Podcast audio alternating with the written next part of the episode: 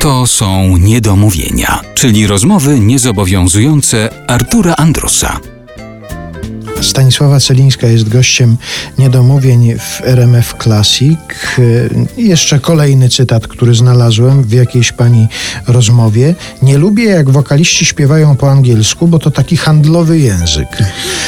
On jest może handlowy, ale też staje się uniwersalny, to znaczy dla, dla ludzi poza naszym krajem staje się coraz czytelniejszy i dostępny dla wielu ludzi w różnych zakątkach świata. Czy jednak nie pomyślała Pani o tym, żeby któraś z tych piosenek mogła trafić gdzieś do ludzi jeszcze dalej? Żeby przetłumaczyć to, żeby ktoś przetłumaczył i żeby ją zaśpiewać? Jarzyna wpadł na taki pomysł, żebym zrobiła recital. W końcu nie powstał, bo nie powstała kawiarnia. I pamiętam, że miałam śpiewać właśnie po angielsku, ale ja oczywiście chciałam e, zrobić tak, że śpiewam po angielsku, a potem tłumaczę. Na przykład e, Człowiek, którego kocham, czyli Demon I Love? Demon I Love, e, słowa Hemara, prawda? Potem zaśpiewać. E, jeżeli śpiewałam e, What's New, Billie Holiday, to co nowego, tak? Przetłumaczyć, żeby ludzie wiedzieli. Jakoś, nie wiem, jakoś mi to nie przypadało do gustu, chociaż tego angielskiego się uczyłam, jakoś sobie nawet z nim radzę. Ale czy ktoś na przykład w Ameryce, kto kocha swój kraj, a tam trzeba kochać swój kraj, bo to nie ma innego wyjścia, czy im zależy na to, żeby, a nie są Polakami, nie mają korzeni, czy im zależy na to, żeby ktoś zrozumiał ich w Polsce? I w związku z tym uczą się polskiego? No ale no, jednak te amerykańskie piosenki przylatują tutaj do nas, a ja myślę sobie, że gdyby Amerykanin posłuchał piosenki Czerni Biel na przykład, mógłby się też wzruszyć, jeżeli by to było ładnie, pięknie przetłumaczone i w taki sposób, żeby to też do niego docierało. Oczywiście, że to Tak. jest y, zawsze kłopot z tłumaczeniami, żeby one też były poezją. Tłumaczenia poezji No może, może coś, się takiego coś zdarzyło, propozycja, no może tak, ale sama jakby z siebie nie, na to nie wpadłem. No black and white, tak? Byłoby, Tak, to, to tak. byłoby fajne. A śpiewała pani kiedyś y, w jakimś innym języku? Albo grała pani w teatrze, w filmie? Y, Śpiewałam po angielsku, śpiewałam e, chociażby w, w spektaklu Krzysia Wadlikowskiego, e, śpiewałam Wonderful World. Tam miałam taką śmieszną przygodę, że wychodziłam w takiej sukni, śpiewałam i któregoś razu mikrofon był niewłączony.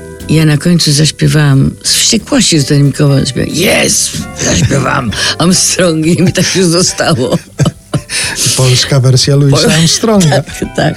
Jeszcze chciałbym zapytać o, właściwie wrócić, bo ta osoba nam się pojawiła już w rozmowie, ale chciałbym wrócić na chwilę jeszcze do babci.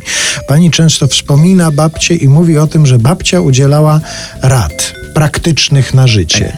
I chciałbym, jeżeli to jest możliwe, jeśli można poprosić o to, żeby naszym słuchaczom przekazać kilka takich rad od babci Stanisławy Celińskiej, to jeśli możemy takie, to bardzo bym poprosił o kilka takich rad. Tytuł audycji aż się prosi o jedno, bo powiedział niedomówienia dokładnie pasuje. Babcia mówiła, Stasiuńka, nigdy nie pokazuj całej dupy, tylko zawsze kawałek. To niedomówienie wydaje mi się.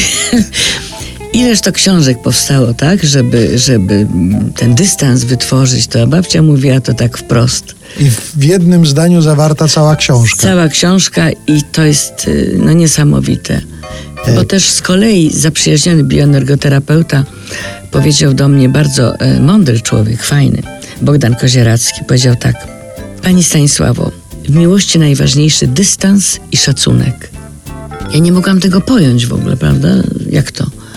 Okazuje się, że to, to jest wspaniała rada, bo, bo to daje właśnie takie poczucie, że ten ktoś się czuje, że nie jest nieprzekroczona pewna granica.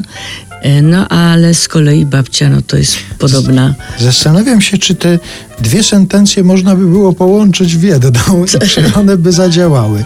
Może i tak, że to trzeba mieć taki dystans i taki szacunek, żeby nie pokazywać całej, tylko Dokładnie. kawałek.